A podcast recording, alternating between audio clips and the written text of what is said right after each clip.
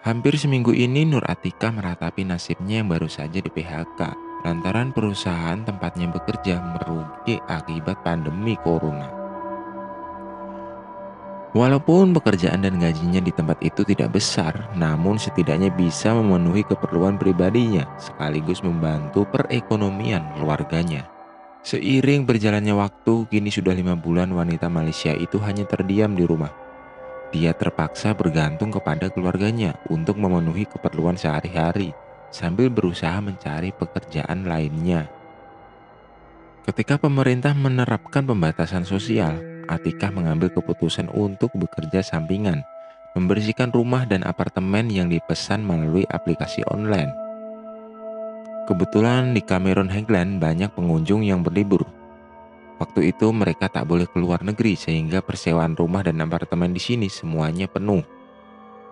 Saya ambil peluang ini untuk bekerja bersih-bersih rumah dan apartemen setelah penyewanya pulang. Kebanyakan penyewa tak menetap lama di sana, katanya.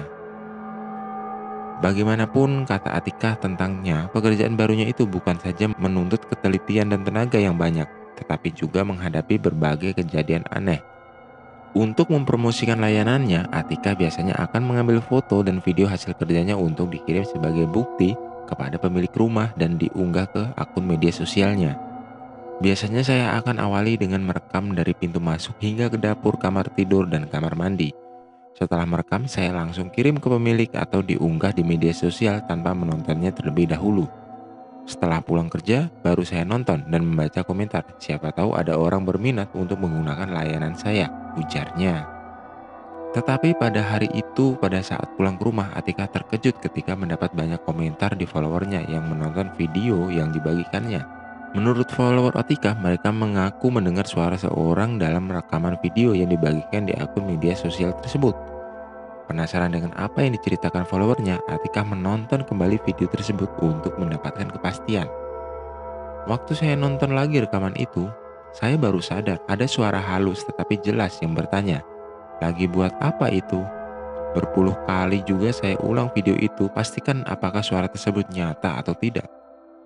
Merinding seluruh badan saya, tapi saya tak berani beritahu pemilik rumah karena saya pikir itu mungkin sekedar gangguan yang belum masuk tahap yang parah. Namun dugaan saya meleset, katanya. Beberapa hari kemudian Atika mendapat panggilan untuk kembali ke rumah yang ada di video seram tersebut karena tamu yang baru saja menginap sudah check out. Namun saat tiba di sana Atika melihat tidak banyak pekerjaan yang bisa dilakukannya. Rumah tersebut ditinggalkan dalam keadaan rapi dan bersih seperti tidak ditinggali orang sebelumnya. Ketika mencuci piring di dapur, tiba-tiba seluruh badan rasa merinding sebelum ada sesuatu yang menyentuh bau saya. Waktu menoleh ke belakang tidak ada satupun, tapi pintu ruang utama tiba-tiba tertutup sendiri. Saat itu kaki langsung gemeteran, ketakutan, padahal saya melintas ruang itu untuk keluar dari rumah tersebut. Tiba-tiba kaki saya seolah-olah terkunci dan tak dapat bergerak. Saya hanya mampu memejamkan mata sebelum pintu kamar tersebut tiba-tiba kembali terbuka. Ceritanya, setelah membaca ayat kursi dan beberapa ayat suci lainnya, Atika baru bisa menggerakkan kakinya Kesempatan tersebut digunakan Atika untuk lari keluar dari rumah. Tanpa membuang waktu, Atika menceritakan apa yang terjadi kepada pemilik rumah mengenai kejadian aneh yang dihadapinya. Betapa terkejutnya Atika ketika diberitahu penyewa sebelumnya juga mengalami kejadian yang serupa. Menurut pemilik rumah, penyewa dan keluarganya mengaku tidak tahan dengan gangguan aneh yang mereka alami dan mengambil keputusan untuk keluar pada hari mereka mendaftar masuk. Pantas saja rumah itu masih dalam keadaan rapi dan bersih, Ternyata penyewa pun tak tahan dan cabut lari karena diganggu, katanya. Meskipun mengalami kejadian menyeramkan, Atika tetap melakukan pekerjaan tersebut. Dia menganggap apa yang terjadi sebagai cobaan kecil. Alhamdulillah sampai saat ini di rumah itu saja yang terjadi peristiwa seram. Tempat lain tidak ada gangguan. Saya anggap ini cobaan dalam mencari rejeki di tengah kondisi yang memprihatinkan ini, pungkasnya. Oke, terima kasih pendengar. Uh, Sampai di sini dulu ceritanya, nanti kita bakal sambung lagi dan jangan lupa untuk siapkan cemilan, gunakan headset dan pastinya jangan sendirian ya.